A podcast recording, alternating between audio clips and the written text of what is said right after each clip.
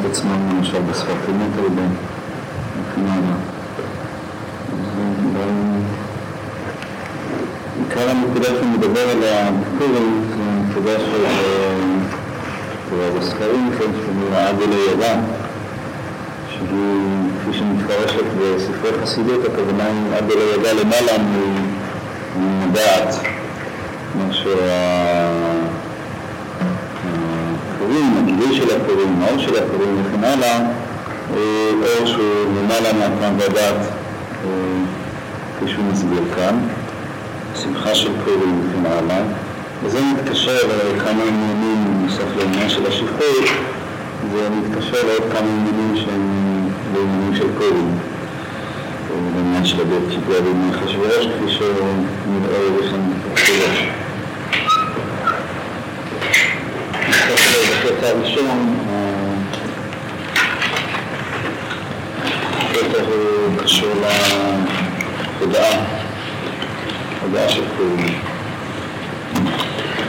אני פותח את הי"ח.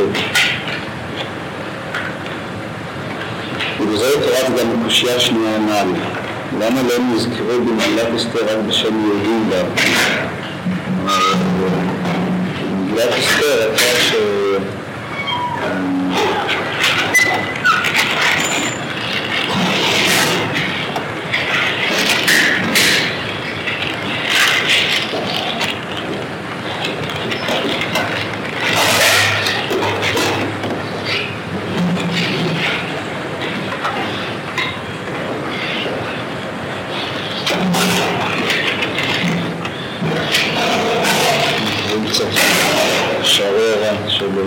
נמצאים חב"ד בפורים. ובזה התערב גם הקושייה הנ"ל, למה לא נזכרו במגילת אסתר בשם יהודים דווקא? התואר שעם ישראל מכונה בו במגילה התואר יהודים, איש יהודי, ליהודים את ההוראה וכו'. נקרא לו את כל הקטע ואחר כך נראה אותו. והנה פירוש יהודים לשון הודאה, כמו יהודה אתה ידיך וכו'. ובנחמיה נאמר יהודה בחולם. כמו שאמרה לאה, פעם מודה וכו'. אם כן, רוצה להוכיח מכל המקורות הללו שיהודי זה לשון הודאה, כן, להודות. כי אינו יודע ההפרש בין ברכה להודאה. והברכה הוא בחינת השפע והמשכן מילה לעלול, ובבחינת חגילוי מן העולם, כמו ברוך השם מן העולם וכו', מעלמא באיקטסיה שהוא בחינת העולם, מעלמא באיגדליה וכו'. וכמו והמלך שלמה ברוך לשם מפעל וכו'. חלק פירוש ברוך אתה השם ברכו את השם, וזהו דרך כלל. וגם הדרך זה ממש בדרך כלל בפרטי השתלשלות מילה לעלול, שבחינת העולם שבעולם בא לגילוי בתחתון, וזה הנקרא ברכה, רק שנמצא מחמת זה, ובו לבית עולמות מצד ריבוי השתלשלות מעולם לעולם. כמו שכתוב עולמות או מספר עתיקי עולמות אלא עולמות וכו'. מבחינת ההודעה הוא למעלה הרבה מבחינת הברכה. נותן יש את הבחינה של הברכה, שאשר הוא ברוך, ויש בחינה שהיא גבוהה למעלה ממנו, היא מכוונת לעולם הרבה יותר גבוה, שהיא הבחינה של ההודעה. כי ההודעה, בחינת ההודעה הוא למעלה הרבה מבחינת הברכה. כלפי העצמות, הוא מקור הראשון שהוא מהות ועצמות ספר החוק, שהוא מאוד מעלה למעלה מבחינת ירידת ערך שפע מן העולם לגילוי. אדרבה, מבחינת העצמות ממש, שנקרא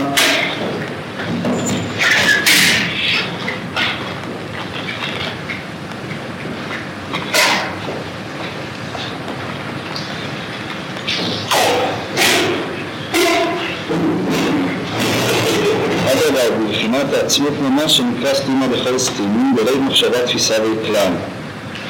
אפשר שיבוא וימשך לגילוי כלל. על כן שם שייך עניין ההודעה, וכמאמר הכל שמך אליך נא אל העדות. הרי חילק לשתיים.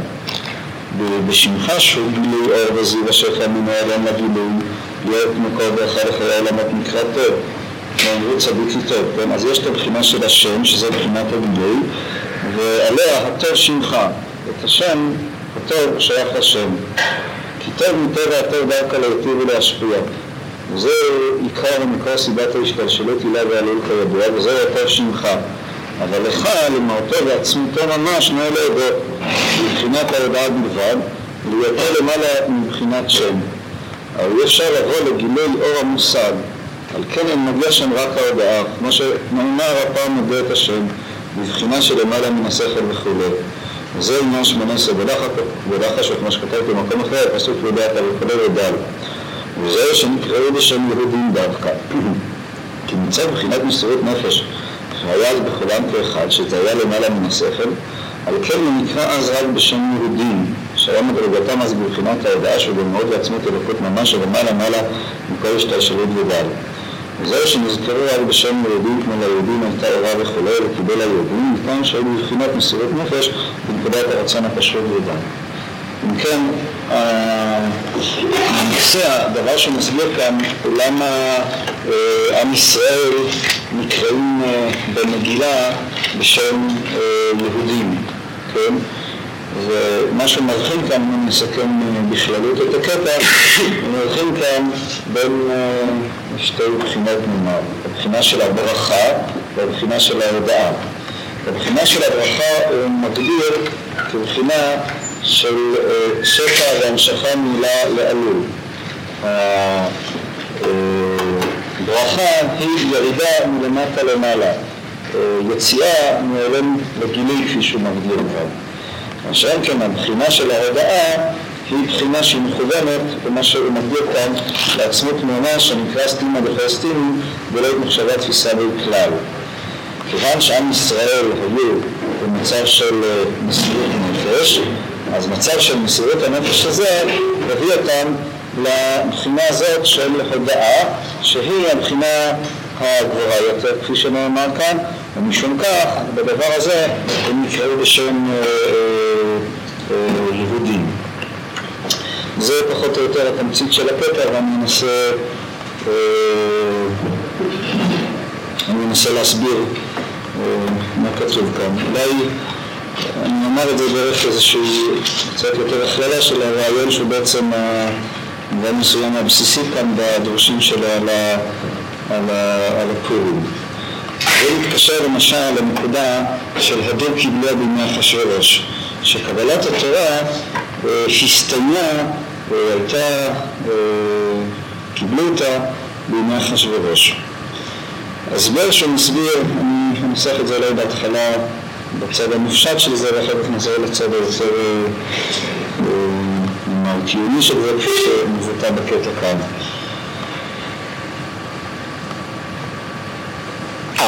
התורה והמצוות, אה, כפי שננסח את זה בצורה הפשוטה.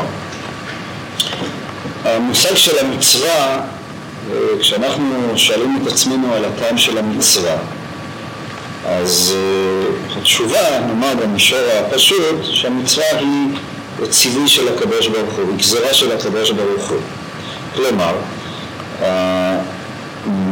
הבעיה, אם ננסח את זה במרכאות, הבעיה במרכאות של המצווה, שהמצוות דווקא משום שהן שייכות uh, לעולם המעשי, הן שייכות לדברים מסוימים שאנחנו uh, מצווים לעשותם, המסוימות הזאת עצמה היא גורמת שקשה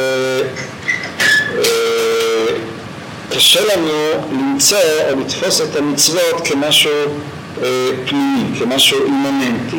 זאת אומרת, דווקא משום שהמצוות הן שייכות אה, לעולם המעשי, לעולם של הפרטים, דווקא משום כך, ככל שדבר הוא יותר חיצוני, הוא יותר שייך לתחום של המעשה, לתחום הגשמי, ככה אה, קשה יותר למצוא בו את הטעם הפנימי שלו.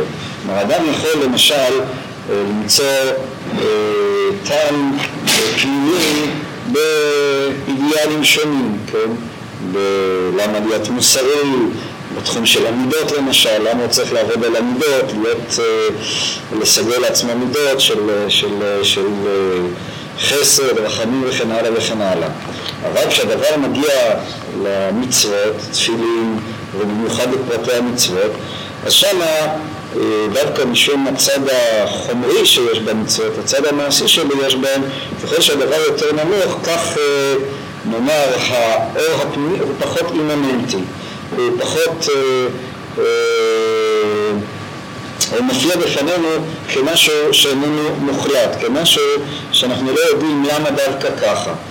ואז אנחנו שואלים באמת את עצמנו, וזה גורם לנו פעמים רבות להרגשה בקיום של המצוות, כאילו אנחנו אה, לחוצים לקיים את המצוות כציווי מבחוץ, בעוד שהשאיפה של האדם היא לעשות את הדברים מתוך ההרגשה של המשמעות הפנימית של הדברים, מתוך ההרגשה, מתוך האור הפנימי של הדברים, ולא משום שיש איזה גורם חיצוני אה, שהוא בעצם מאלץ אותו, מצווה אותו לעשות את הדברים.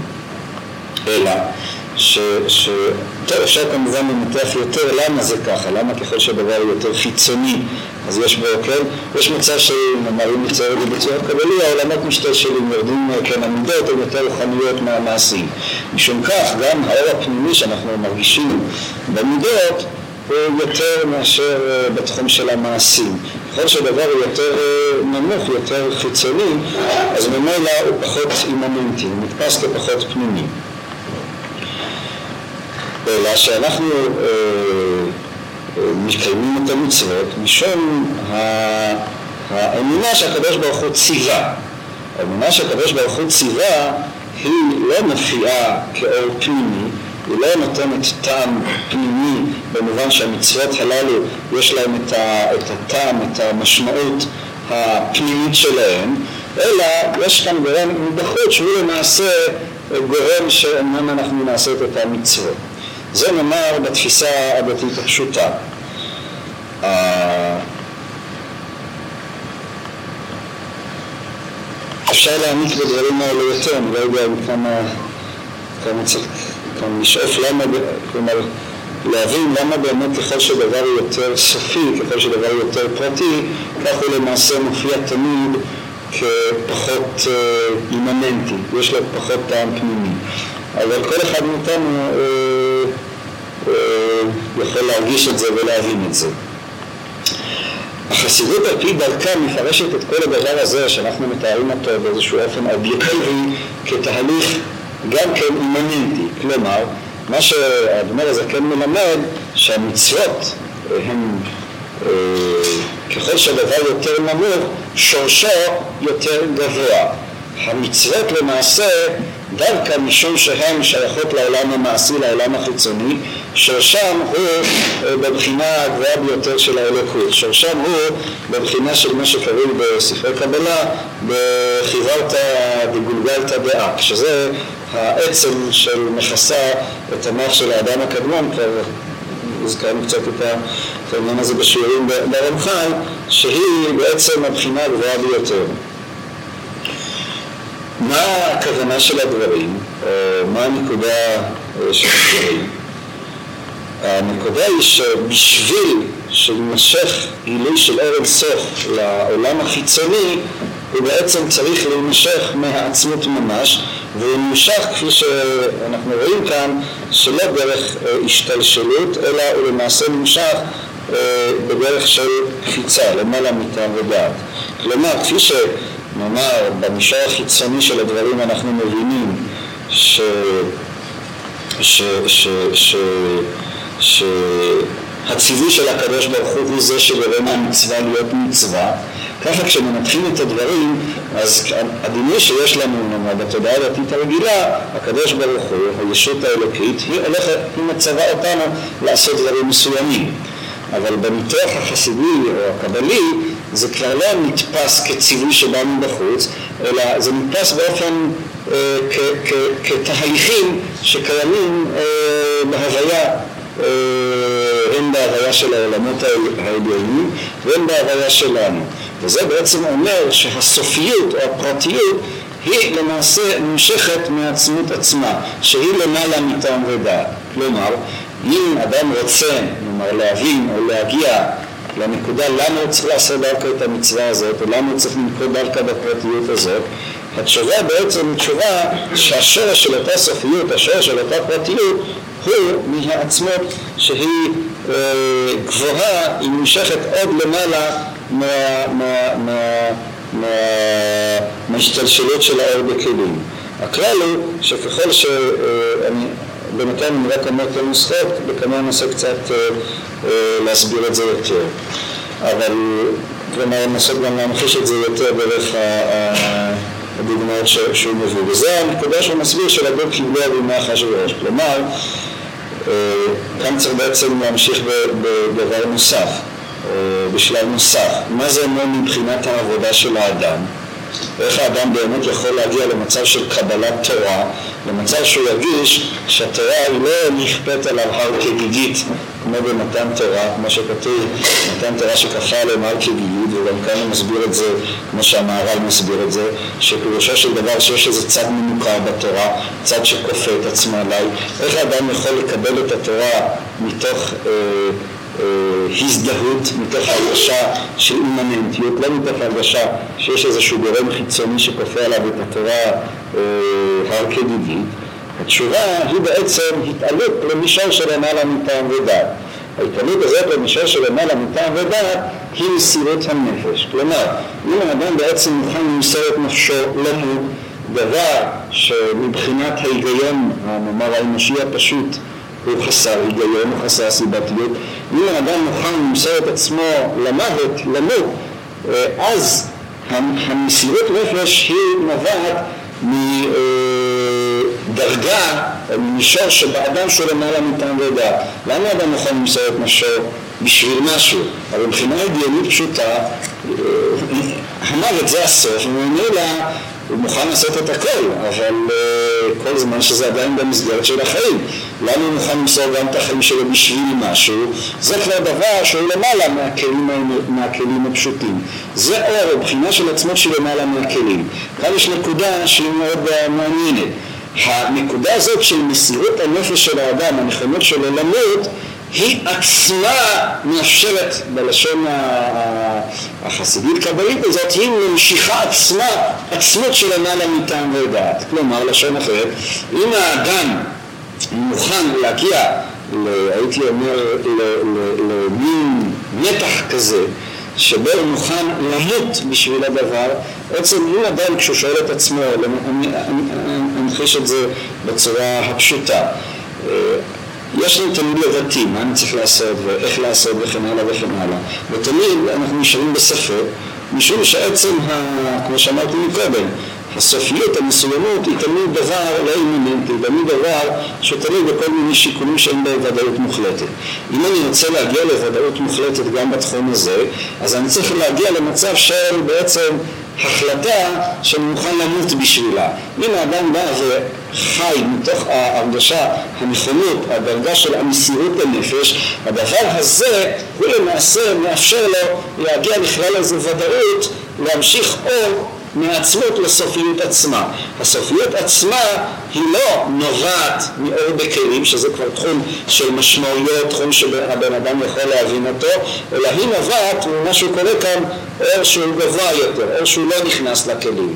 בשביל למעשה אה, להגיע לאותו אור שלא נכנס לכלים, אתה צריך להתעלות למין מצב של עצמותיות כזאת שהיא מעל ומעבר לשיקולים האנושיים שהם תמיד שיקולים שכליים, רגשיים וכן הלאה שמוגדרים כאן כהמשכה אה, לתוך הדבר עצמו והנקודה הזאת של מסירות הנפש היא בעצם הנקודה של, של הפורים. כן, מה שמבחין אצל הפורים במהלכים החסידיים הללו, שפורים זה מצב עצמותי, במובן הזה שהוא מנותק מאיזושהי סיבתיות, מאיזה תחום של משמעויות מכלים, אלא זה מין יכולת, כן, האדם משתכר, נאמר, הוא עד לא ידע, למעלה מן הידיעה, הוא לא שוקל את הדברים בשיקול השכלי וכן הלאה, הוא מגיע למצב הזה למין מצב של uh, עצמותיות שהיא הביטוי של אותה מסירות נפש, טוב, הוא מוכן כאילו למות, הוא מוכן למות אז זה כבר מפרק את כל הסיבתיות ואת כל השיקולים וכן הלאה וכן הלאה. אם הוא מוכן למות בשביל הדבר, עצם הנכונות הזאת למסור את עצמו, הנכונות הזאת היא בעצם פותחת אותו בפני המצב שבו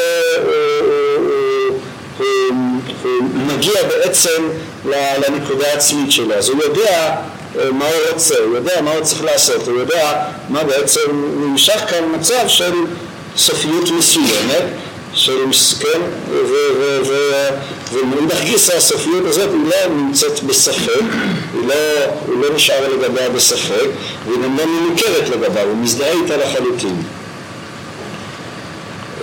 בלשון יותר פשוטה הייתי מנסח את זה ככה, אם האדם יש לו איזה בעיה, אם הוא מסוגל לבוא ולומר לעצמו כאילו, ההחלטה הזאת אני מוכן לעמוד בשבילה או לא אם הוא יגיד אני מוכן למות בשבילה, אם הוא יבוא למצב שכאילו הוא יעמיד את זה באותו מתח של השאלה אם אתה מוכן למות בשביל הדבר הזה או לא, אז הוא יגיע לאותה החלטיות, לאותה נחישות, לאותה ודאות, לאותה, הייתי אומר, נוקבות פנימית, שהיא תאמרת מה זהו, כן? זה הדבר, כן? אני, זה הדבר שאני מוכן, שאני הולך עליו עד הסוף. זה בעצם המשכה מהנקודה של העצמות, שרק דרכה הוא יוכל, כן, יש לו ספק נאמר, הוא צריך להמשיך בישיבה או לא צריך להמשיך בישיבה וכן הלאה. אז אם הוא ייכנס לעולם של השיקולים, אז יש תמיד שיקולים לפה, שיקולים לשם וכן הלאה, תמיד הוא יישאר במצב של ספק, וגם אם יכריע, אז ההכרעה היא לא תהיה הכרעה מתוך ודאות פנימית, היא תהיה הכרעה יחסית. בשביל להגיע לשלמות עם הדבר, אז הוא צריך כאילו להיות מוכן למסור את נפשו על ההחלטה שלו. לשאול את עצמו אם הייתי מוכן לעמוד בשביל ההחלטה. אם הוא מסוגל להגיע למין עומק כזה של שאלה, אז הוא גם מקבל את העומק הזה של התשובה, שזה הדבר, זה, זה, זה, זה, זאת, כן, זה, זה, זה כבר מצב, כמו שמוגדר כאן כמצב של למעלה מטעם ודעת. זאת הנקודה שהיא בעצם חוזרת על עצמה בכל המהלכים של פורים, גם אצל האדמו"ר האמצעי ובכלל במהלכים החסידיים בנקודה אחרת. מה שקורה כאן הוא בעצם מצב של למעלה מהבחירה. במצב שבו האדם הופך להיות אחד עם המציאות שלו. במצב שהאדם הוא אחד עם המציאות שלו, אז הוא מקבל את הוודאות של מה, של מה הוא צריך לעשות, של מה הוא, של, ה, של, ה, של ה, את אותה החלטיות, את אותה עצמותיות. הדבר הזה הוא בעצם כאילו הניסוח הפנימי של מה שתיארנו קודם מבחינה חיצונית. כלומר, זה לא הציווי האלוקי המוחלט שבא מבחוץ הוא בעצם ההשתלשלות או הקפיצה הפנימית שאדם שמגיע לבחינה הגבוהה של, של, של, של, של, של של האלוקות שהבחינה של סתימה דכל סטינים ולא מחשבה תפיסה בכלל. זו הבחינה שמוגדרת כלמעלה מטעם ודעת של עד אלא ידע. בבקשה. כאילו בשלב שאדם צריך להכריע, אז זה כאילו צריך, כאילו מאוד למסור את הנפש. יש פה גם, בשלב הזה זה לא כזה נגמר לי בשלב הזה, אבל אני יכול להגיד בשלב כאילו שאדם מכריע למשהו שהוא נהיה טוב, כאילו, או כאילו שבשלב הזה כאילו אני משים את השיקולים האחרים, אלא אני פועל לפי הכוח הפנימי שלי, ואז אני מבין להתאחד עם הדבר. מה בדיוק בהתחלה אומרת, מה עושה השלב בהתחלה שהוא כאילו יכול למצוא את הלב הזה, זה כאילו זה מסלק את כל הצדדים החיצוניים לא כותב בתוך העניין? השלב של המכונות למסור את הנפש, או כאילו המכונות למות, היא בעצם מעבירה את זה למצב של, זה לא אומר שהוא לא רואה את השיקולים, הוא לא רואה את התמונה, הוא לא רואה את האפשרויות לנגד עיניו, הוא רואה את האפשרויות לנגד עיניו, אבל בשביל להגיע לוודאות הפנימית, או להחלטיות הזאת, החזקה, או הרצון, הוא צריך, צריך להשתחרר מהתחום של הסיבתיות הרגילה. הנכונות כאילו למות בשביל הדבר, הנכונות הזאת היא למעשה מפרקת את התחום של הסיבתיות הרגילה, שהאם אדם אה, אה, חי מתוך הנכונות למסור את הנפש, אז זה כמו שאמרתי, זה דבר שהוא כבר מנוטרל אותו מהשיקולים הרגילים, כמו שחז"ל אמרו יזכור יום המיטה.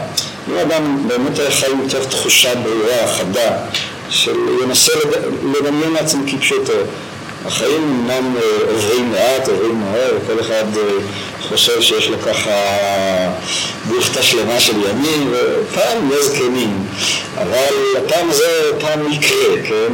כך יש להניח. אומרת, פעם, אם הקדוש ברוך הוא ייתן לך, אנחנו עוסקים במקרה שבאמת פעם תהיה זקן, כן? שאי אפשר לדעת אה, אם חלילה לא יקרה משהו באמצע, אבל זה פעם יהיה שתהיה זקן, זה לא, זה לא רק... מין דבר שלא יהיה. תנסה אפילו לעשות את הציור הזה, כן? מה שבעלי המוסר מדברים הרבה, לצייר לעצמך את היום האחרון שלך, כן? זה פקט, יהיה פעם יום כזה, כל אחד מאיתנו יעבור את החוויה הזאת בצורה כזאת או אחרת. ננסה לנתח את זה בצורה, לנסות לדמיין לעצמו. אם האדם באמת מדמיין לעצמו, את הרגע האחרון, נגיד שהוא צריך ככה להיפרד מהעולם, בצורה, אפילו כוח הדמיון כאן מאוד uh, חשוב. פתאום זה נותן לו, זה, זה באמת מפרק אותו מתחום שכל של הזיקות היומיומיות של גלגלי השיניים שהוא כל הזמן נתון בהם והוא מקבל איזה מין מצב שבו כל העסק הזה מתפרק. עכשיו אם האדם מסוגל לבוא ולומר לעצמו מה אני אחשוב באותו רגע כשמסתכל אחורה מה עשיתי במשך, אני יודע, 70, 80, 90 שנה, כמה שלא יהיה, מה, כן, זה כבר מתקשר ממש לנושא שלנו. אז האם באמת מה שאני עושה עכשיו זה שווה, זה בעל ערך כשאני מסתכל מאותה פרספקטיבה, האם עדיין יכול לבוא ולומר היה כדאי, או שבעצם הוא דבר ככה חלף פרח, התפורר לו וכן הלאה. אם גם מאותה זווית, או מאותה נקודת מבט הוא יכול לומר לעצמו היה כדאי, זה כבר משהו ש... יש בו את אותה גילוי של עצמתיות שעליה אנחנו מדברים כך, שעליה אנחנו מדברים כאן. ואת הנקודה הזאת של מסירות הנפש, של לזכור יום המיטה וכן הלאה, היא בעצם באה להביא את האדם, היא לא באה לדכא את האדם, היא לא באה אה, לבוא על האדם באיזה מין תביעה מבחוץ, היא באה במובן מסוים לפרק לו את ה... הייתי אומר, את אותה רדיפה, את אותו מתח, את אותו מצב שבו הוא כל הזמן נמצא בו, ובעצם הוא צריך ככה, כמו שהברסלברס אומרים, ליישר את עצמו כמו שנחמן אומר, ליישב את עצמו, מה, מה התכלס של כל זה, כן? מה באמת התכלס? האם אנחנו עושים דברים שהם קשורים באמת לתכלית, או שאנחנו כל הזמן רצים יום ליום, יום ליום, אבל יש בזה זה מגיע לתכלית, או אין בזה מגיע לתכלית. אם הוא מסוגל לשאול את השאלה הזאת בכנות, אז הוא יראה שישנם דברים שהם כן קשורים לתכלית. וזאת הנקודה שעליה אנחנו מדברים כאן. כלומר, התכליתיות היא דבר במובן הזה, האור הזה שעליו אנחנו מדברים, הוא אור שהוא למעלה מטעם ודעת. במובן שהוא לא שייך למערכת של שיקולים מסוימים, אלא הוא דבר עצמי, הוא דבר ששווה מצד עצמו, הוא דבר שאף פעם לא, לא יתפורר. אם אדם עשה פעם איזה מעשה אמיתי, באיזה תחום שזה לא יהיה, אז יש דברים שאני יודע, היום מאוד נהניתי מהם, אבל אני יודע כבר עכשיו שמחר כשנסתכל על זה, זה יהיה בעיניי חסר ערך. יש דברים מעטים מאוד, לפעמים ממש ספורים, שאדם יודע שאף פעם לא, לא יהיו עם זעורם, תמיד כשהוא יסתכל עליהם באיזשהו מקום הוא ירגיש שהוא עשה בסדר, שזה היה טוב, ככה ירגיש ליבי תכנים שיודעים לעצמו כאן עשיתי משהו ש, שהיה כדאי, זה לא משנה אה, מה איתי, מה אני, איפה אני עומד, הדבר, זה, זאת, זאת הנקודה של מסירות הנפש. מסירות הנפש הזאת, שהיא מה שמגדיר כאן נקודת הרצון הפשוט, כן?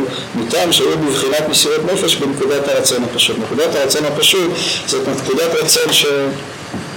אתה לא יכול לומר עליו לא ככה ולא אחרת, אלא הוא גילוי של העצמות עצמה, שהיא איננה, כמו שאמרתי, איננה תוצאה של שיקולים וכולי וכולי. הספר לא מחייב אותה?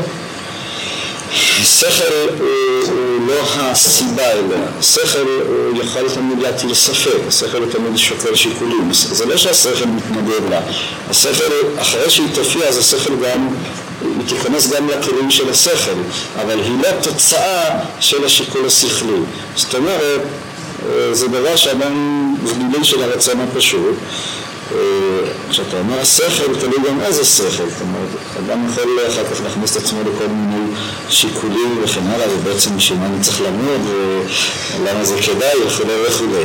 אז במובן הזה, זאת הכוונה שזה למעלה מהטעם והדעת. זה שייך לכל המערכת של פורים, אבל זה שייך גם לנקודה הזאת של כל התורה, הקיום של תורה ומצוות, במובן של קיום של פרטיות מסוימת, להיות דווקא יהודי, לקיים דווקא את המצוות, הוא המשכה באותה נקודה שהדמור הזה כאן מדבר, המשכה של העצמות, כלומר המשכה שאדם הוא לא נובעת מתוך השיקול השכלי, משום שהשיקול השכלי לא יכול באמת להביא להכרעה דווקא, למה דווקא ככה, למה דווקא להיות יהודי, למה דווקא להראות השם בצורה הזאת, אלא זה גילוי של מסירות הנפש בנקודת הרצון הפשוט. ברוב המקרים העומד של ההחלטות הם לא מה שאני לא אחליט זה לא שווה למות. לא זה מה שאני... דברים פשוטים ביום יום, אז זה לא... מה שאני לא אחליט זה לא שווה. יש מקרים מיוחדים של תורה ומצוות היא נטי, אז אדם יכול להגיד אני מוכן לשעות נפשי, אבל לנסוע לתל אביב ולא זה... ראשית זה לא פשוט, השאלה היא לגבי מי, זאת אומרת, אדם שהוא נאמר צדיק, או אדם שחי במתח גבוה, אז הוא לא עושה שום דבר סתם ככה, זאת אומרת, לנסוע סתם לתל אביב הוא לא ייסע.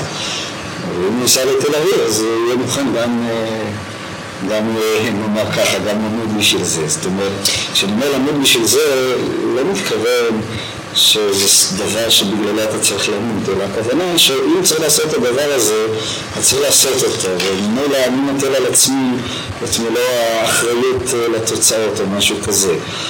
ואני מסכים, אני לא מצפה ברמה שלנו שכל מה שאנחנו עושים יהיה כאילו ברמה הזאת, גם לא מדבר על פרט מסוים בדרך כלל, אבל מאידך גיסא אז לפחות שיהיו כן כפי שהם לעמוד בשבילם, הם בכלל הם שואלים באיזשהו מקום לתכלית, כמו שבמובן של הברסלב זה תכלית, לא מובן אם זה חשבון בבנק או משהו כזה, אלא התכלית במובן שיש לזה נגיעה לנקודה שעליה אנחנו דיברנו.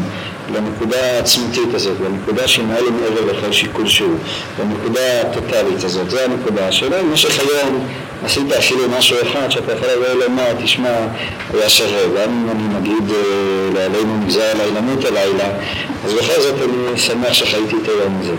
זה קשור כבר לנקודה הזאת של ההודעה. ההודעה, כפי שמגדיר אותה כאן הגמר האמצעי, היא הודעה על העצמות, על הדבר עצמו. אם שייך להודות, לא שייך להודות על דבר חומרי, שייך להודות על אותה נגיעה עצמותית. כלומר, כמו שאמרתי מקודם, אתה מסתכל היום אחורה, השאלה אם אתה יכול לבוא ולומר, היום הזה אני יכול להודות על זה שחייתי אותו, או שבסדר, הייתי רעב, אכלתי, אחרי שכבר אני שבע, אז ממילא זה כבר יותר משמעותו, או משהו כזה. בבקשה. המושג של העצמות באחריות או שגם את החיים שלהם, הצורות שלהם, יש בהם איזה משמעות לעובדה שיש להם מקום שונה גם מהמקום של משמעות פנימית של האם המצוות עצמם של אנשים זה כאילו נקודה יותר גבוהה, שרק העובדה שאני מקבל את הציבור וזה מקבל את גם שלהם. את השאלה השנייה לא כל כך הבנתי. אולי אבל השאלה הראשונה, העצמות זאת אותה מה שתמיד הנקודה של האחדות. עצמות זה מצב, אלה בכלים זה תמיד אומר שהדבר הוא משמעותי מבחינת משהו, כן? המושג הוא בעל משמעות, יש לדבר הזה, עצמות פירושו של דבר, דבר שהוא קיים כפי שדיברנו כשדיברנו על הנשמה כאן, בדעת תבונה, כלומר דבר שכל קיומו הוא קיום עצמי, זה קיים רק בעצמו, בשביל עצמו, זאת אומרת, הוא קיים רק, הוא קיים, זהו, זאת אומרת, הוא, הוא חסר משמעות חיצונית. זה המושג של עצמות כפי שנמצא גם אצל הראשונים. העצם הוא דבר, הוא העצם עצמו, הוא הדבר עצמו. מה? הוא לא תלוי, מה? עכשיו, העצמות עצמה היא כאן שייכת לבחינה שהיא בעצם חלק מהמציאות האלוקית. כאן זה קשור ל... לא ניכנס כאן לפרטים, היא בעצם שייכת למעבר נאמר בין אינסוף לבין הבריאה. המושג של העצם, אני מנסה למקם אותו מבחינת העמותה הקבלית של הדברים, אבל בכל זאת יש בצד אלוקות, של אלוקות. בצד של אלוקות הוא במובן הזה ש... לכן מוגדר הבחינה הזאת, הספירה הזאת, כממוצע בין המאציל לנעצר. לא, לא ניכנס לרגל לפרטים, אבל הצד האלוקי שיש בו שהוא מוחלט, במובן הזה שהוא לא מקבל את האישור שלו מגורם חיצוני, לא, אלא הוא מבחינת עצמו כמו שהאלוקים, אף אחד לא ברא אותו, אף אחד לא עשה אותו, אין לו משמעות מבחינה חיצונית, אלא הוא הוא, ותו לו, כל מה שאתה יכול לומר עליו זה הוא הוא. ככה ההמשכה הזאת של האור אינסוף זה הנקודה שעליה אנחנו מדברים. אותה עשייה שהיא לא נובעת מתוך איזה תחום של משמעויות והישגים ורווחים, לא רוחניים ולא גשמיים, אלא זה הדבר, כן? זה הבחינה של המשכת העצמות. עכשיו בשביל המשכת העצמות אדם צריך לאבד באיזשהו מקום לפרק את התחום הרגיל של המשמעויות שהוא כל הזמן נמצא בהן ולהגיע, להשתחרר לאותה נקודה של גילוי הרצון הפשוט שהוא, מדבר עליה כאן של מסירות הנפש. אה, זה ביחס לשאלה הראשונה. השאלה השנייה, אני אה, אה, לא כל כך הבנתי אותה. זה רק זה מצווה,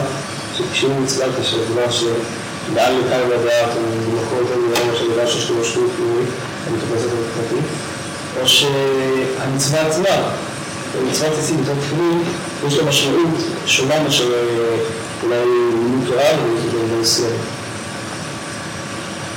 במשל האובייקטיבי, יש לנו קצינה במצווה הזאת.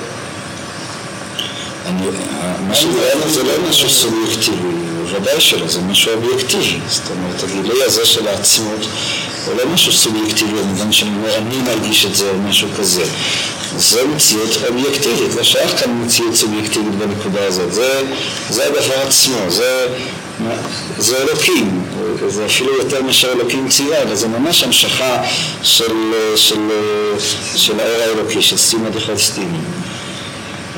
אולי אני חושב שזה הבאתי כאן ספר, פעם הזכרתי את הדבר הזה, אבל פעם הבאתי את הספר, ספר של פרנקל, שמתאר את הדבר הזה, אני רוצה פשוט להמחיש את הנקודה שעליה אנחנו מדברים, גם בהקשר של ההודעה, של אדם שהוא מודה, כן? כל הודעה היא מין עמדה, כל זמן שאדם מודה, הנקודה של ההודעה, או בכל הודעה שהיא, יש כאן חריגה מהתחום, כלומר, בשביל שאני אגיד תודה, אני מוכרח לחזור מהתחום האגואיסטי, מהתחום האגוצנטרי, ובשביל להכיר טובה, כן? אדם שמכיר טובה, מישהו עשה לי טובה, בשביל להכיר טובה, אגואיסטי לא יכיר טובה, גם אם הוא יגיד תודה לשני, הוא יגיד תודה בשביל לקבל ממנו עוד פעם, בשביל שלא יחשבו אותו לאדם לואיסט, אדם לא מנימאסט. בשביל באמת להכיר טובה מעומקא דליבה, זה מחייב איזשהו מקום אותי לבטל כאילו רק את הפרספקטיבה האגואיסטית שלי. הפרספקטיבה האגואיסטית היא מרגישה שתמיד מגיע לה, היא לא מקבלת שום דבר תמיד מגיע לה. בשביל להכיר טובה אני צריך לחשוב שבעצם לא מגיע לי, ובכל זאת מישהו נתן לי. ואז נכנס הכרת תודה כלפיו. במובן מסוים יש כאן התבטלות כלפי משהו או יציאה מהתחום הרגיל של, ה, של, ה, של האגו למשהו שונה עליו, למשהו שאנחנו מגדירים אותו כמשהו שהוא גילוי של אותה עצמות שעליה אנחנו מדברים כאן, של המשהו העצמי הזה. זה כל הכרת טובה, הכרת טובה או התודה. בתחום העקרוני שלה, בגילוי הצרוף שלה, זה מצב שבו אדם שמח בעצם, בעצם כן, כמו שנחמן אומר, אז אמרה לאלוקי באלים, בזה שאני עוד. הוא לא שמח בעצם על משהו, אלא הוא שמח שמחה עצמית, היא לא שמחה שמובאת מצד איזה שהן סיבות, אלא היא עצם השמחה, שהיא כאן מוגדרת, וזה מה ש... מוגדר כאן כשמחה של פורים. השמחה של פורים היא לא מבחינת המשכת אור בכלים, אלא היא שמחה עצמית, היא בעצם מצב שבו אדם שמח. למה הוא שמח? מישהו אמר שאסור להיות שמח? הוא שמח, מה יש? לא קרה שום דבר. זה גילוי של אור שהוא מעל. וזה השתחררות לחלוטין מהאגו, מהאגואיזם שלו, משום שכל זמן שהוא זקוק לסיבות למה להיות שמח, אז הוא אומר שהשמחה צריכה לעבור דרך האגו. האגו הזה אתה צריך סיבות, מה פתאום שיתחיל להיות שמח? הוא בן אדם מכובד, מה פתאום שיתחיל להיות שמח? אבל אם הוא מוכן להשתחרר, שמח, זהו, חק, נקודה. זה דבר שהוא אחדותי. זה גם הנקודה שהוא מודיע כאן, שהיא נקודה מאוד עמוקה של ההודעה. יש מצב שבו אדם חי את החיים שלו מתוך הרגשה של תודה. כל מה שקורה לו, הוא תמיד חש כלפיו הכרת תודה. למה? משום שבאמת אה, זה לא תודה על משהו, שהיא תמיד תודה של אורלי כלי, אלא הוא בעצם מרגיש שלא מגיע לו שום דבר, וכל מה שנותנים לו הוא שמח. וזאת באמת הרגשה עצומה של הכרת טובה כלפי החיים שלו, כן? כלפי המציאות שלו, כלפי ההוויה שלו. זה, זאת הנקודה של הזמרה לאלוקי בעודי, שהיא הנקודה שהוא מגדיר אותה כלהיות יהודי, כפי שהוא מגדיר אותה כאן, זה מאוד מאוד יפה, זה מאוד נכון. להיות יהודי זה לחיות מתוך הרגשה של תודה, מתוך הרגשה שהיא בעצם אלה מאלה, זה לא שיקול של המצב הרעייה שבחוץ, כן? יכול להיות שהמצב הרעייה יהיה רעייה, אבל בכל זאת הוא חש את אותה הכרת תודה, משום שהוא משוחרר, כן? כמו שאמרתי מקודם, הוא משוחרר מהמערכת של ההשתלשלות לתוך העולם, שאז כבר הוא ירגיש חסר לו, יש לו וכן הלאה, מצב שבעצם הוא מרגיש את עצמו כאפס, הוא מוסר את נפשו, ואז הוא מוסר את נפשו, אז בעצם אה, אה, במצב הזה, אז כל מה שיש לו מרגיש כלפיו הכרת אה, תודה עצומה, אז אני הרגשה, באמת הרגשה אופרית כזאת, אדם יכול להגיע אליה יש דוגמאות כאלה של אנשים, אבל גם אם הוא לא מגיע לזה ברמה גבוהה, כלומר גם אם לא כל רגע ורגע רוקד לו, אבל יושב לו, כן, בבית, אני יודע, שבת, טוב, כן, יכול היה, כן, ביד אחרת, ואז הוא מרגיש הרגשת תודה עצומה, הרגשה של, של הזמרה לאלוקי גובי, על עצם המציאות שלו, על עצם ההוויה שלו וכו'. וכאן פרנקל מתאר את זה מאוד יפה, הוא אומר, אולי נקרא כמה משפטים. לשם הדגמה נוספת רצינו להביא דברים מרעיון מוקלט עם חולה אחת שלי סבלה מסרטן בשלבו הסופי, וידעה זאת. כשהצגתי את המקרה שלה יכלו להתפתח דו-שיח. פרנקל, מה את חושבת כשאת מתבוננת בחיים שעברו עלייך, האם היו החיים כדאיים? החולה ובכן דוקטור, אולי לומר שהיו לחיים טובים, באמת היו לחיים נחמדים, אולי להודות לאלוקים על הגבורה של לי וכן הלאה. פרנקל, את מדברת על חוויות נפלאות, אבל כל זה יביא עכשיו לקיצו. החולה, כן, הכל מגיע לקיצו. פרנקל, אם את חושבת עכשיו שכל הדברים הנפלאים של חייך אולי יעבדו מן העולם, החולה מעוררת עוד יותר, כל הדברים הנפלאים האלה, אבל תגידי לי, האם סבורה שמישהו יכול לבטל את כל העושר הזה שחווית? האם יכול מישהו למחוק דבר הזה? לא דוקטור, אף אחד אינו יכול למחוק אותו. והאם יכול מישהו למחוק את הטוב שהתנסית בו בחייך? החולה בהתרגשות גבוהת והולכת. אף אחד אינו יכול למחוק אותו. ושואלת מה שהשגת והגשמת, חולה אף אחד אינו יכול למחוק אותו. מה שסברת באומץ וביושר, האם יכול מישהו לסלק אותו מן העולם, לסלק אותו מן העבר, שבו שמעת אותו, החולה, אף אחד אינו יכול לסלק אותו. נכון, היה עליי לעשות סבל רב, אך גם ניסיתי להיות המצב איתנו ביסודי שנגזרו אליי. וראה אתה דוקטור, אני מקבל את הציודי כאלה שאני מאמינה באלוקים וכולי וכולי. אה, ואז הוא אומר, קבר שבוע מתה, אולם בשבוע האחרון של חייה, ונמשך הדו-שיח. אה, לא הייתה, בעולם בשבוע האחרון של חייה לא הייתה מדוכדכת, כי מהפך הייתה שופעת אמונה וגאווה. עד אז הייתה אחוזת ייסורים ואימתה אותה המחשבה שאין בה עוד תועלת. הרעיון עם הנתה בהכרה שחיי טוענים משמעות ושאף סבלה אינו בכדי וכו'. אמנם אמת הכל חולף כל דבר לכל אדם, ילד שבנו לעולם ועם האהבה הגדולה שהייתה מקור יצירתו של הילד וכו'. אם יש נותן בהם שבעים שנה ועם מגבורות שמונים שנה ועם חיים טובים נהיה מאמץ כדאי וכו' וכו'. ואולי מצד אחר הכל נצחי. ויתרה מזה הוא נהיה נצחי מאליו וכולי וכולי. זאת אומרת, השאלה, מה בעצם קרה כאן? אני מנסה להבין, מה, מה קרה? לכאורה החולה הזאת, התגובה היא מאוד לא הגיונית. בעצם המחשבה שהייתה צריכה ללוות אותה, הכל טוב יפה, חייתי חייתי, אבל לא בא מתוך האמונה בהשתנות הנפש. לא, לא בזה הוא בא לשכנע אותה, משום שאם הוא היה בא לשכנע אותה בנקודה הזאת הוא לא היה מצליח לשכנע אותה. משום שאי אפשר, לפחות ברמה הפשוטה, להגיע לוודאות בדבר הזה, כן? הוא לא משכנע אותה בהישארות הנפש. אז אם כן מבחינה רציונלית פשוטה, היא לא יכולה לבוא לראות, היה כדאי, אבל עכשיו אה, אני הולכת אה, לעולמי, כן? ומי יודע רוח בני אדם וכולי, וממילא מה המשמעות שנשארה, מה הטעם בכל זה, הכל אה, התפורר וניסה לרוח. ובכל זאת היא אומרת לא, היה כדאי. מה פירוש האמירה הזאת היה כדאי? האמירה הזאת היה כדאי היא בעצם אומרת שה... גורל אישי שלי, או התודעה האישית שלי, אין לה ולא כלום עם המעמד הנצחי של מה שעשיתי או מה שחוויתי במידה שעשיתי דברים כאלה. כלומר, יש כאן בעצם איזה רבד בנפש של האדם, שהוא רבד, שהוא לגמרי, זה מה שאנחנו קוראים כאן הרבד הגילוי של, של העצמות. שהוא רבד שהוא לא מוקנה בכלים, בתודעה האישית, במשמעות האישית. אין לזה שום, אם אמנם האישה הזאת הולכת ולא נשאר ממנו שום דבר, אין לזה שום משמעות אישית. ובכל זאת, הדבר הזה, האמירה הזאת היה כדאי, מי עודדת אותה.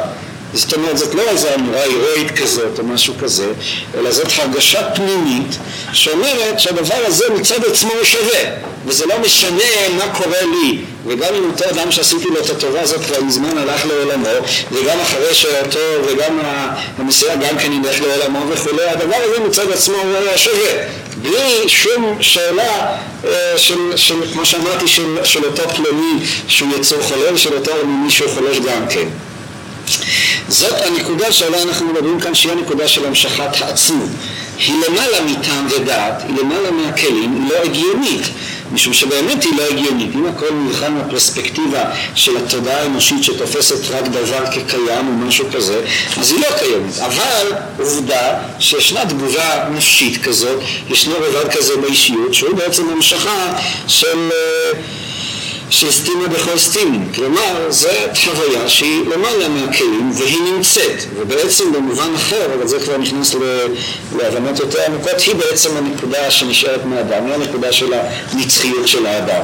כלומר, מה שהרמב"ם אומר שכשאדם עושה מעשים לשמה, זה עצמו העולם הבא שלו ומה שמעניק לו את העולם הבא זה מצווה אחת שהוא עשה לשמה, זאת תהיה נקודה שעליה הוא מדבר. כלומר, התודעה הזאת שהיא בעצם לא תודעה במובן הארצי, אלא היא בעצם הנצחיות עצמה שהאדם אה, אה, מסוגל להמשיך ולפעול לפיה. הנקודה של הנגיעה בתכלית, השאלה שהאדם צריך לשאול את עצמו ככה כשהוא יושב לו, תופס לו איזה חמש דקות, רבע שעה, חצי שעה שקטה, הוא שואל את עצמו ככה מנסה איכשהו להוציא את הראש שלו מהביצה, להסתכל ככה על הסביבה ולשאול מה, מה בעצם הולך כאן, מה עשיתי, האם יש לי איזה קשר לתכלית, לנצחיות, במידה שהוא פועל מתוך מניעה כזה, מתוך...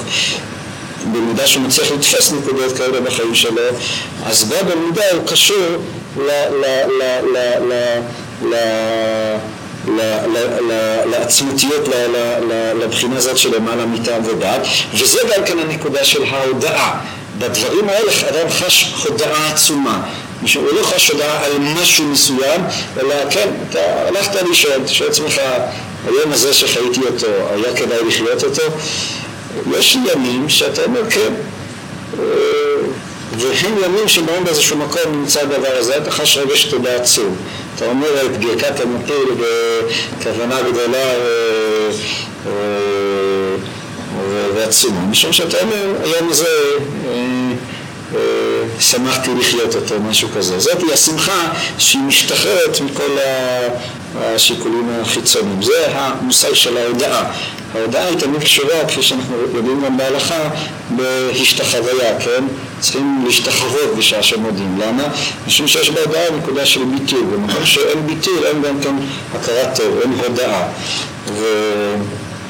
ולכן הוא אומר השם של פורים, כיוון שפורים זה כפי שמוגדר כאן, זה התגלות של התיאור של סטימה דכל סטימה בלית מחשבה תפיסה בכלל, שלמעלה מטעם ודעת, שהוא נובע ממסירות נפש, ממילא אז אה, אה, לכן עם ישראל נקרא במגילה אה, יהודים, כן? של הודאה. בבקשה. כן, רוצה לשאול שאלה בעניין של המסירות נפש. האם הסתכלות של האדם בפרספקטיבה של יום המיטה יש מה מסירות נפש? לפי החינוך אני הבנתי שיש הקדמה שני המחירים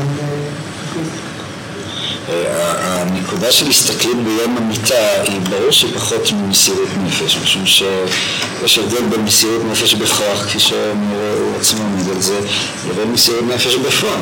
יש הבדל גדול בין אדם שממש כאן, אה, כמו שמתאר את עם ישראל בתודו, שממש עמדו בפני סכנת מוות, ובכל זאת היו מוכנים למות, לבין אה, ביום המיטה היא, היא, היא הסתכלות, מבחינה זאת גם אם יש לה עוצמה חזקה מאוד, אם אדם מצליח לצייר לו את זה באופן אה, אה, מוחשי, באופן חזק, כן?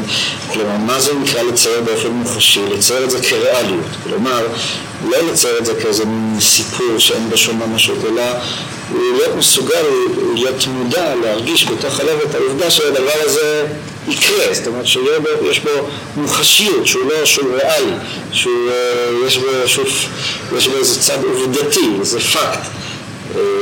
ואז זה נותן לו לאדם איזושהי, לפעמים זה יכול אפילו להביא לו איזה מין הרגשה של פחד, כן, אבל גם אם זה לא ממש מביא אותו למצב של אימה או של פחד, זה עדיין נותן לו איזה מין כאילו, כמו שאמרתי מקודם, זה מפרק אותו, זה מוציא אותו קצת, אה, שופך עליו קצת מים קרים או משהו כזה.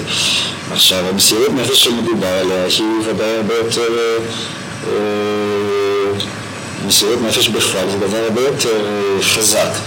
אני יכול למשל לומר דוגמה של מסירות נפש, לא אדם שלא מוסר את עצמו למיטה, אבל מסירות נפש ברמה יותר נמוכה, אבל אתה יכול לנתח את אותו תהליך עצמו שעליו אנחנו מדברים. כלומר, מסירות הנפש תפקידה לפרק כאילו את התודעה האנושית מהסיבתיות, מהתחום של המשמעויות שהוא נמצא בה ולהביא אותו למצב של מה שהוא מגדיר כאן כרצון פשוט. אני מתכוון, הדוגמה הפשוטה, ואני חושב שכל אחד יכול לחוש אותה, זה הדוגמה של כיבוש היצר. אם אדם מסוגל לכבוש את יצרו, מה זה, אז גם, כמובן, כפי שכבר אה, הזכרנו כאן, אנחנו צריכים לדעת, כן, יש כיבוש היצר שהוא עצמו יצר. כלומר, זה יצר שכובש יצר. כלומר, אני כובש את היצר בגלל שאני רוצה להיות צדיק. אז אה, פרה וחמור, יצר גשמי אחד ויצר אחר רוחני. אבל אני מדבר על כיבוש היצר כתנועה אמיתית. למשל, מישהו, אני נורא כועס עליו, כן? יש לי, בא לי לקלוש לו את האוזניים.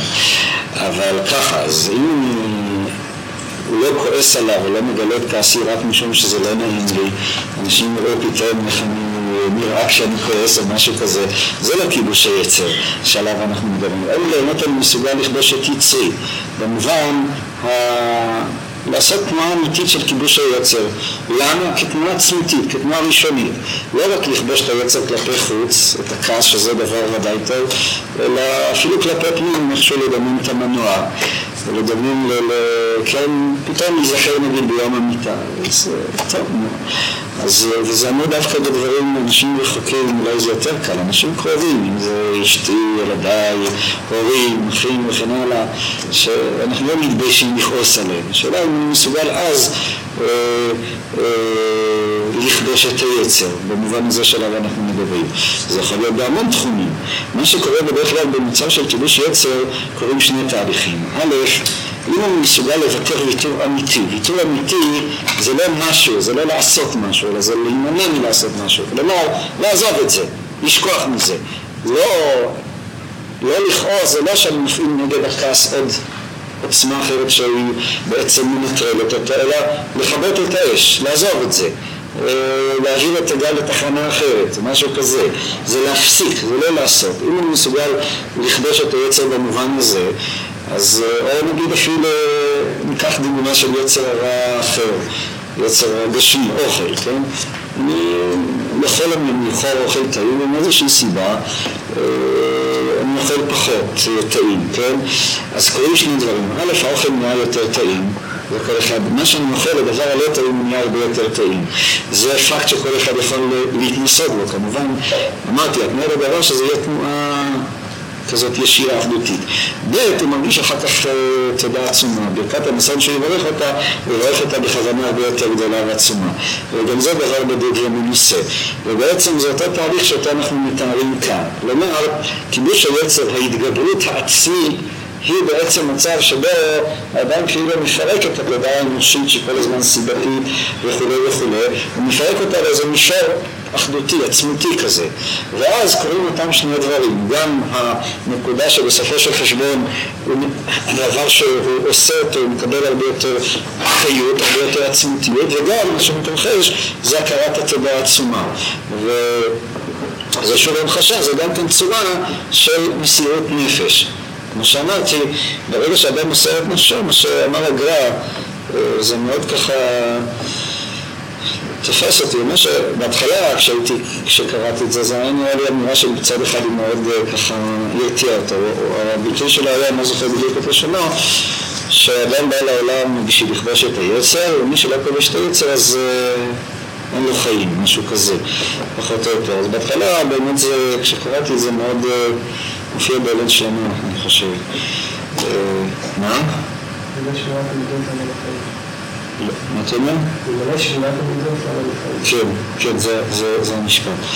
אז בהתחלה הרגשתי את זה כאיזה מין, טוב, לא, כמובן, לא, לא, לא חשבתי עליו לא ככה, אבל ההרגשה הראשונית כאילו הייתה שזה מין נראה מסרניקית כזאת, איזה מין חטטנות, כל הזמן אדם צריך רק לערוך ציד על עצמו, משהו כזה.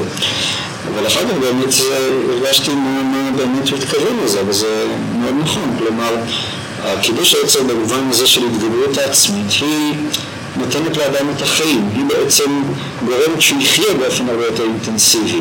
כמובן שקידוש היצר הזה, וזה מה שבדרך כלל אצלנו לא קיים, כלומר שקידוש היצר הזה צריך לעשות כקידוש יצר אמיתי. אסור לו שיהיה קידוש יצר מתוך יצר, משום שאז אתה רק מסבך את ה... את עצמך. אבל במובן של התנועה האחדותית הזאת, אז באמת זה נותן לו לאדם חיים כפשוטו, הוא מרגיש הרבה יותר, הוא מרגיש הרבה יותר חי, במובן הפשוט של הדברים. בבקשה. אני הבנתי המסירות לנפש והוודאות זה בעצם דברים שמובילים ולגורמים גם אחד את השני. אבל אני לא הבנתי, האדמו"ר אומר שעומד מול החלטה, מול מצווה, קשה לו להגיע לוודאות. זאת אומרת, מבחינת מסורת זה בלתי אפשרי אולי אפילו. אז למה יותר קל לי להגיע למסירות נפש? זאת אומרת, אני לא מבין מה, הוא מרוויח, בעצם הוא מציע כי פחות או יותר את אותו דבר, כי זה דברים שהוודאות של מסירות נפש זה פחות או יותר בחד המחתא, אז אני לא מבין מה הוא הרוויח. לא, לא הבנתי את ה...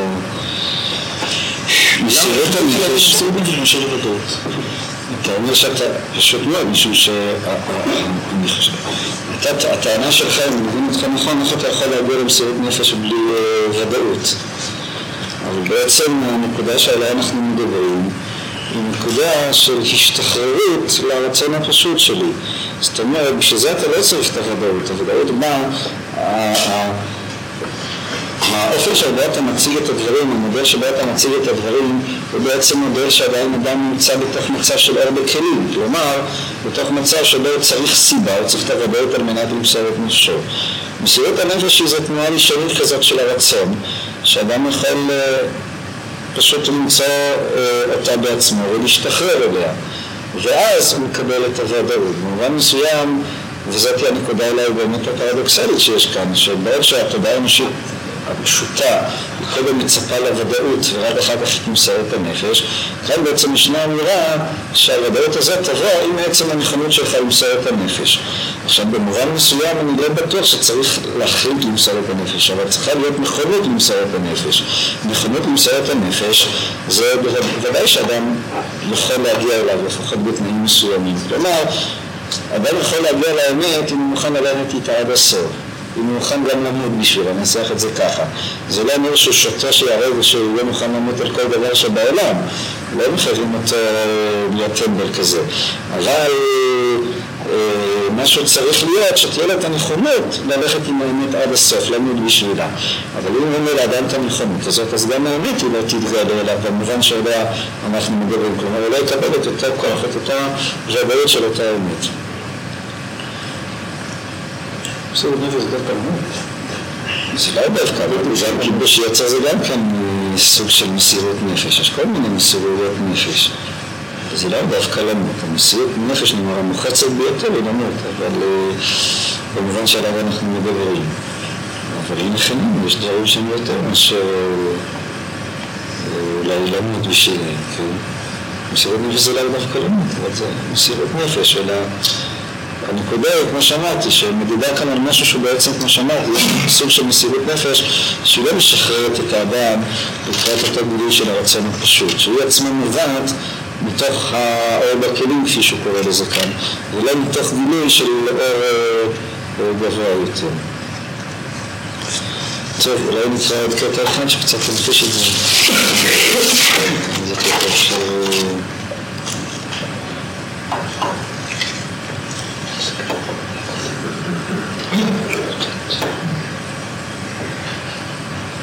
של... בוא נקרא בעמודה השמאלית כותל המדבר.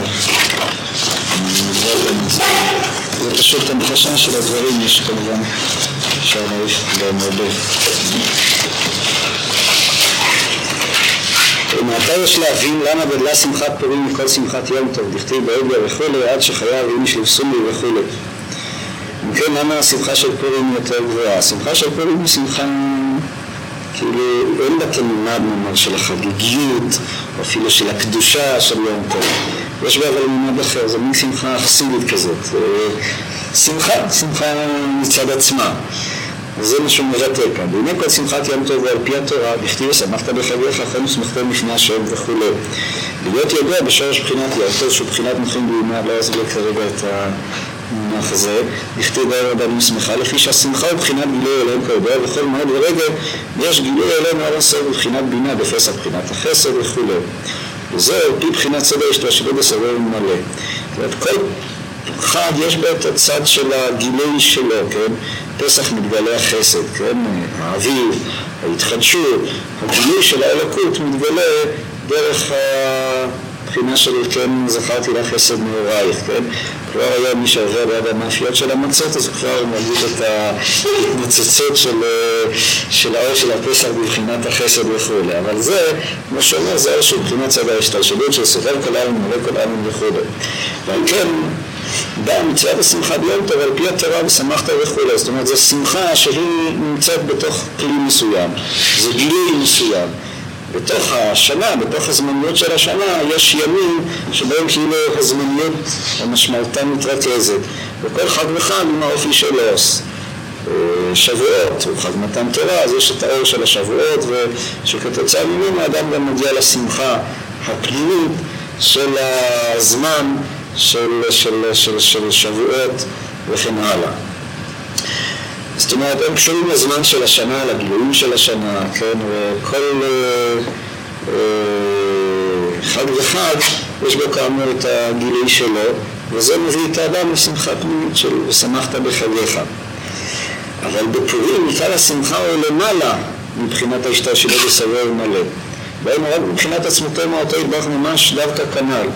זאת אומרת, פורים זאת שמחה עצמית, זה לא שמחה של גילוי של משהו, אלא זה עצם השמחה. שהוא מגדיר את הקו שמבחינת עצמותו, אתה לא שמח על משהו, או מתוך משהו, אלא זה גילוי של... היא, היא, היא, היא שמחה מבחינת מאותו ועצמותו.